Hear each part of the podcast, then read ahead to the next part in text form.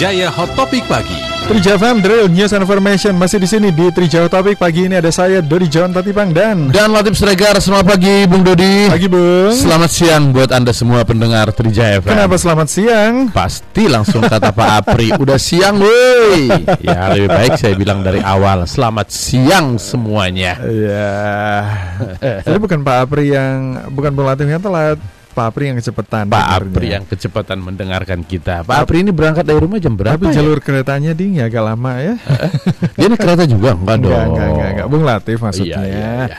Oke Bung, tadi kita udah mulai dengan rencana kenaikan BPJS Kesehatan iurannya pertanggal 1 Januari 2020. 1 Januari 2020.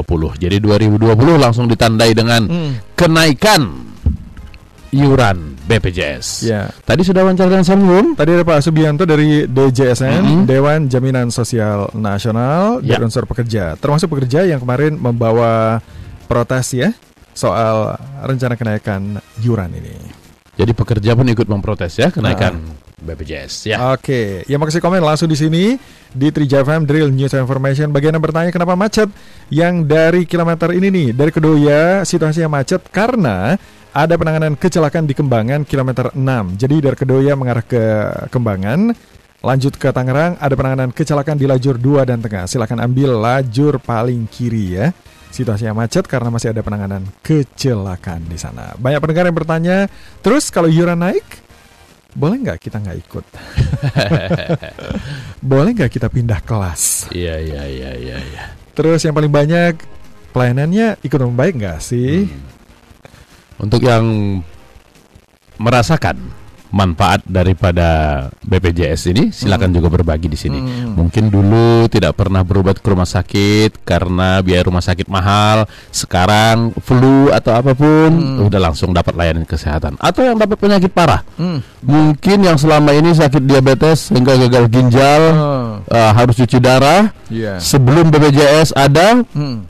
rutinkah cuci darah? Hmm. Setelah BPJS ada, menjadi dua kali seminggu cuci darahnya atau Iya, gimana? iya. Merasa BPJS perlu atau tidak? Silakan Nah, berbagi juga ke Kami sini tunggu ya. Anda untuk kasih komen dan sharing bersama kami ya before dan afternya. Ya. Nah, kita langsung bicara bersama dengan Kepala Humas BPJS Kesehatan ada Mas Iqbal Anas Maruf. Halo, selamat pagi Mas Iqbal. Selamat pagi Mas Dodi, Mas Latif. Apa Ya, kabar? Kabar baik kami di sini. Ah. Gimana? Teman-teman Iya. BPJS juga baik semuanya, Mas? Alhamdulillah. Ya. Ya. Jadi 2020 itu sudah diketok ya bakal naik, Naik. iuran. Ya, insya Allah ya. Hmm. Karena memang ketetapannya memang harus dituangkan dalam perpres. Ya kita berharap bisa disegerakan lah. Karena Mhm. memang kondisinya kan BPJS Kesehatan kan punya tanggung jawab untuk membayar rumah sakit dan fasilitas kesehatan yang lain. Hmm. Itu. Oke. Eh, bagi BPJS sendiri seberapa urgensinya, seberapa penting kenaikan ini terkait dengan operasional atau pembayaran-pembayaran tadi? Ya ini kan untuk kepastian bahwa program jaminan ini bisa tetap diakses oleh masyarakat. Ketika kondisinya sekarang BPJS Kesehatan mengalami keterlambatan pembayaran ke rumah sakit kan dampaknya juga ke pelayanan peserta ya. Artinya rumah sakit juga harus sangat efisien untuk menghitung operasional rumah sakitnya dan yang lain.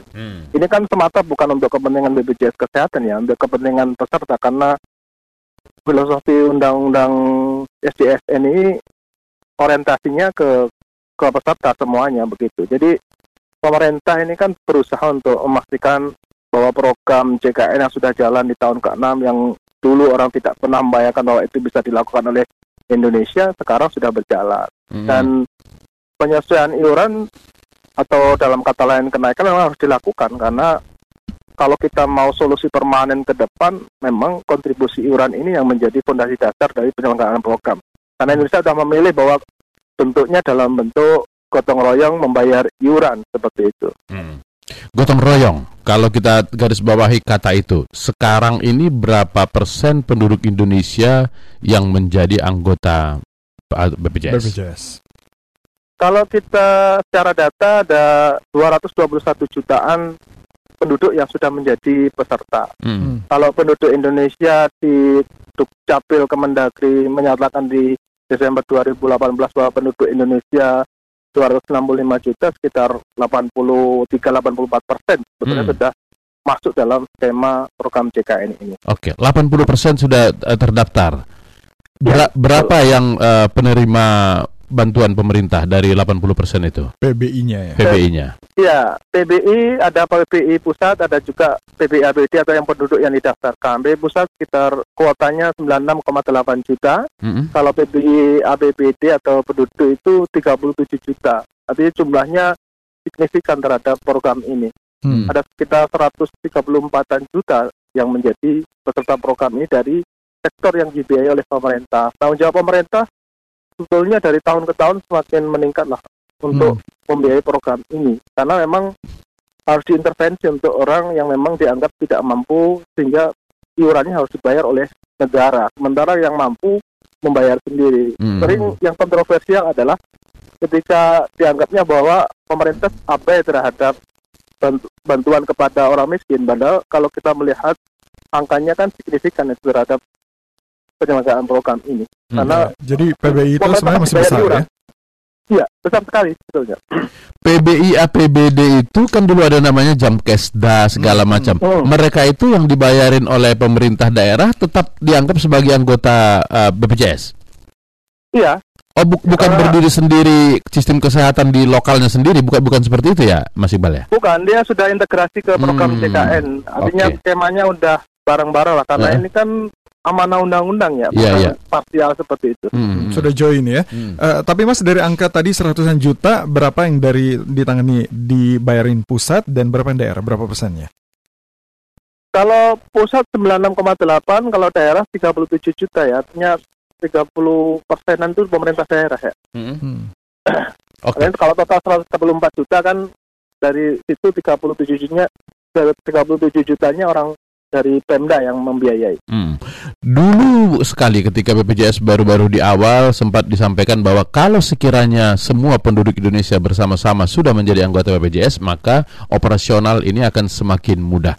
Sekarang setelah 80%, kenapa masih membutuhkan kenaikan iuran? Apakah iuran yang dibayar sekarang itu jauh di bawah dari nilai-nilai yang angka yang dibayarkan oleh BPJS kepada rumah sakit? Jadi kondisinya Mas Dodi, Mas Latif, kalau sekarang semua orang rajin membayar 100% itu Mm-mm. uangnya belum mencukup untuk biaya program ini. Sekalipun Karena utilitasnya 100% sudah be- ang- Membayar. sudah sudah menjadi peserta Iya. BPJS dan membayar rutin belum juga cukup. belum cukup.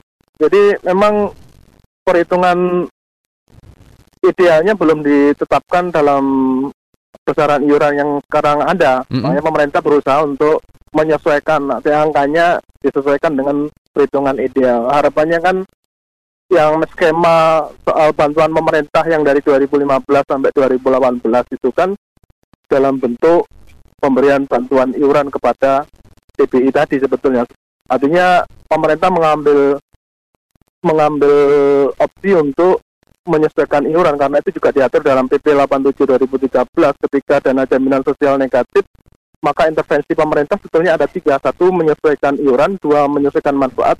Dan tiga bantuan dana. Hmm. tetapi kan ini sudah berjalan sejak 2015 bantuan dana terus. Mm-mm. kalau kita mau mandiri dalam jangka panjang memang iuran yang harus disesuaikan Oke, kalau disebutkan tadi yang ada eh, alternatif ketiga bantuan dana, apakah itu kemudian berarti ada subsidi dari pemerintah kepada pengiur ya sehingga iuran sekarang itu tidak harus dinaikkan? Pemerintah tidak memilih itu, lebih memilih kepada naikkan iuran? Ya kan selama ini suntikan dana itu kan disuntik ketika kondisi likuiditas sudah terganggu ya. Hmm. Artinya kan kalau kita mau long lasting ya, Iya, ya itu harus harus iuran yang diperbaiki. Jadi di samping yang permasalahan yang soal collecting iuran kan ada hanya ada di sektor mandiri yang jumlahnya 32 jutaan peserta kan seperti itu. Hmm. Dia proporsi dari populasi sekitar 14 persen dari total. Tapi orang suka menyorotnya hanya 14 persen yang memang yang asli membayar sekitar 54 persen dari 32 juta itu. Mm-mm. Hmm. Nah, kalau kita mau fokus ke solusi kan artinya dari segmentasi yang lain juga kan sebetulnya memberikan kontribusi. Makanya ini kan bareng-bareng yang diperbaiki besaran iuran kan tidak semata hanya peserta mandiri, tapi peserta dari pekerja penerima upah, Mas Dodi, Mas Latif juga Iya. disesuaikan betul. apabila nanti angka batas atasnya kan awalnya sekarang 8 juta dinaikkan menjadi 12 juta. Yang kita agak ingin sampaikan adalah bahwa data di master file BPJS Kesehatan kepesertaan untuk peserta penerima upah swasta yang jumlahnya punya upah 8 juta sampai 12 juta itu kisarannya yang 3 persen. Jadi yang terdampak sebetulnya yang 3 persen itu bukan yang di bawah. Oh iya, iya, iya. Oke Mas, dari yang kelas 1, 2, 3 yang paling banyak menggunakan BPJS Kesehatan itu di Kelas kelas ke mana? mana? Di Hmm. kelas mana Mas? Kalau kelas 3 kan memang bentuknya piramida ya. Kelas 1, kelas 2, kelas 3 yang Hmm. di bottom line yang di dasar itu kelas 3 paling mayoritas terhadap kepesertaan program ini. Eh, Oh. Di ada Mandiri, ada juga kan PBI tadi kan sudah jumlahnya iya, selalu, iya, selalu iya. juta. hmm. Hmm. Dan mereka yang paling banyak Paling menggunakan banyak. itu. Ya betul ya konsekuensinya begitu karena populasinya paling banyak tentu banyak Iya. menggunakan. Kenaikan iuran di kelas 1 itu 100%, 80 menjadi 160. Ah. Di kelas Iya. 2 52 menjadi 110, hampir Betul. 50 juga. Hmm. Di kelas tiga 3 berapa Mas? dari 25 500 menjadi 42 ribu. Begitu Mas Iqbal ya? Sekitar 80% ya. Ah. Kelas Ar- 2 tadi 51 ribu, bukan 52 ribu. 51 Menjadi menjadi 110. Jadi 110 ribu. Oh itu lebih dari 50 persen, 50 sekian persen ya. Nah tadi Iya. Mas Iqbal nyatakan bahwa orang yang paling banyak menggunakan ini adalah di kelas 3 yang Hmm. artinya adalah penduduk miskin menengah ke bawah. Artinya sebetulnya kenaikan iuran ini yang dikenakan kepada orang-orang punya orang-orang kaya di kelas 2 kelas 1 ini justru membantu saudara-saudaranya yang orang-orang miskin. Ya, kan bentuknya memang gotong royong ya. Hmm. Artinya yang mampu membantu yang tidak mampu. Meskipun dia juga berhak atas jaminan itu. Mm-mm. Artinya kalau kita mau kepastian soal layanan standar medis dasar atau standar kesehatan dasar sebetulnya kan sudah didapat oleh semua peserta ya. Mm-mm. Dan kita tidak pernah melihat latar belakang seseorang ini ketika sakit. Ketika- Termasuk ketika ada orang nanya, kok penyakit jiwa ditanggung JKN? Eh. Hmm. itu sudah sejak awal program memang ditanggung seperti itu karena pemerintah kan ingin memastikan jaminan kesehatan kan tidak bersifat parsial menyeluruh penyakit apa saja yang memang orientasinya terhadap kebutuhan medis masyarakat bisa dijamin dalam program ini. Oke. Ah. Ini program sosial memang. Program Iya. sosial. Mas Iqbal, sosial. Uh, bagaimana BPJS kemudian menggunakan satu metode untuk menggerakkan kegotong royongan itu sehingga kemudian orang-orang kaya yang Hmm. selain punya BPJS juga mampu membayar asuransi yang mahal bisa tersadarkan bahwa dengan mengiur ini dia adalah membantu saudaranya sendiri sehingga tidak ada yang ingin lagi kalau begini caranya saya keluar aja lah Iya, iya. naik iurannya banyak kok komplain gitu. dan macam-macam. sehingga tidak komplain bagaimana Tapi uh, kan orang kaya kan bisa sakit juga Pak. Tapi Dari- tapi mereka dari- karena mereka merasa mereka punya asuransi yang mahal, mereka ah. tidak merasa perlu dengan BPJS ini. Padahal ada Ya. orang-orang miskin yang perlu dengan ini. Ya, ketika kita diskusi di Trijaya pagi ini kan sangat me- bisa mengfriend orang kan bahwa program ini penting karena memastikan jaminan kesehatan. Di samping di sisi lain kita juga mendorong kan ke tingkat rekrutmen peserta yang masih tersisa. Ini kan kondisinya memang bahwa yang masih belum masuk dalam skema kan banyak orang-orang yang memang sebetulnya berkemampuan yang belum masuk dalam skema JKN ini sehingga kita juga ingin menyampaikan pesan bahwa program ini milik kita bersama sehingga harus bareng-bareng kalau suatu saat kita memang membutuhkan kita bisa mengakses. Tapi Hmm. sisi lain sebetulnya ini soal kemanusiaan juga kan Hmm. seperti itu. Artinya kontribusi kepada negara diwujudkan dalam program. Memang kita akui Mas Dodi, Mas Latif di lapangan itu kan ada misalkan permasalahan soal pelayanan kesehatan dan yang lain. Karena kita memahami fasilitas kesehatan di Indonesia ini kan beragam ya. Artinya memang perlu concern dari semua pihak. Kalau BPJS kesehatan saja yang mengawasi kan tentu pasti ada aja yang masih celah yang bisa dimanfaatkan. Tetapi ketika semua pihak silakan peserta ketika mengalami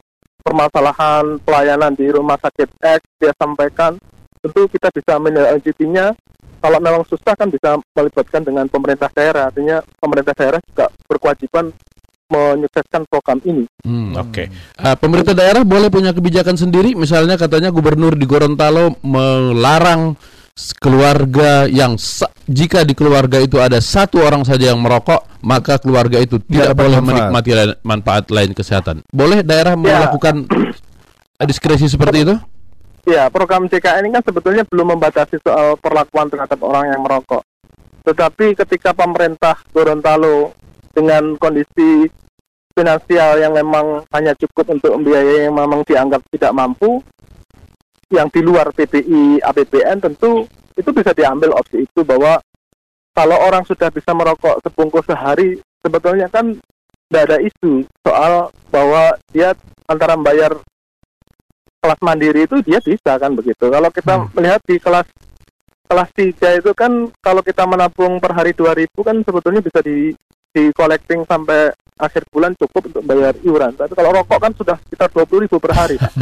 Sudah dapat kambing itu. 2000 tidak mau membayar untuk layanan kesehatan, Ah, tapi kemudian 20 ribu. yang lain bisa. Iya, Nah, tapi iya, iya. Pemda bisa apa ya? Bisa, tadi melakukan nah, tadi hal yang tadi ya, diskresi Iya, ini atau Ah. kalau mau cerita data lebih menarik lagi Mas Apa Mas itu? Bahwa Iya. orang orang mau melahirkan itu baru daftar ketika satu bulan satu bulan mau melahirkan baru mendaftar dia. Hmm. Padahal kalau orang dalam kondisi hamil kan harusnya diperiksa sejak 9 Ya, bulan awal- sebelumnya. Oke. iya iya. Tetapi di data BPJS nampak bahwa peserta itu mandiri khususnya dia baru mendaftar ketika mendekati untuk melahirkan begitu. Jadi Hmm. ya memang harus di ada aturan yang lebih ketat ya soal ini. Jadi orang tidak bahasanya itu effort selection artinya memanfaatkan ketika membutuhkan dan tidak membayar ketika sudah tidak merasa tidak membutuhkan. Padahal saudara kita yang lain tetap akan membutuhkan karena semua orang dipastikan kan pasti mengalami sakit dan, dan yang lain. Iya. Sosialisasi harus Ini- lebih banyak juga Iya, masyarakat. ini tagline-nya Mas Iqbal ini selalu betul, bagus. penting. Ada saudara-saudara kita lain yang membutuhkan. Iya. Ada kegotong Iya. royongan. Ini tagline yang harus di ini oleh BPJS sebetulnya kan. Oke. Iya betul maksudnya. Baiklah. Nah, tapi kemudian banyak juga yang bilang nggak tahu kita apakah eh, kalau ini dilakukan kemudian bisa menolong operasional BPJS. Tapi gajinya direk- direksi BPJS naik lagi naik katanya. tinggi-tinggi. Eh, ini, ini gimana tanggapannya, Mas? Nah, kan begini, jadi remunerasi atau sistem penggajian kan diatur murni dengan ketentuan pemerintah ya, Hmm. bukan kita menetapkan sendiri atas itu. Tapi kalau melihat sebetulnya bukan gajinya yang dikoreksi atau diperbaiki kan tunjangan cutinya Pak, yang dulunya hanya satu kali jadi Dua kali. dua kali kan. Jadi ada gaji ketentuan 13, ada Menteri 14 Keuangan. sama seperti yang Ah. lain ya. Ini kan mirip dengan ASN yang lain sebetulnya, iya. cuman kalau namanya BPJS jadi lebih menarik untuk dibahas. Itu Ah, dia dengan banyaknya serang-serang seperti itu harusnya BPJS ini lebih giat juga Iya. melawan dengan data yang seperti Mas Iqbal Betul, Termasuk sosialisasi apalagi ini Sosialisasi. banyak sekali pertanyaan yang eh, ke Mas Iqbal kapan-kapan datang lagi ke sini Mas untuk menjelaskan kepada pendengar dan masyarakat Kita ya. siapkan waktu satu Baik, jam siap. untuk Hmm. itu ya. Siap. kami Terima kasih, Pak. Mas Oke, Iqbal. Terima Mas kasih, Iqbal, thank you. Selamat Iya. Selamat pagi. Itu Iqbal Anas Ma'ruf, Kepala Humas BPJS Kesehatan. Sudah banyak yang share mengenai manfaat BPJS. Abis ini ya, tetap di Trija FM, The Real News and Information. Tentukan jalanku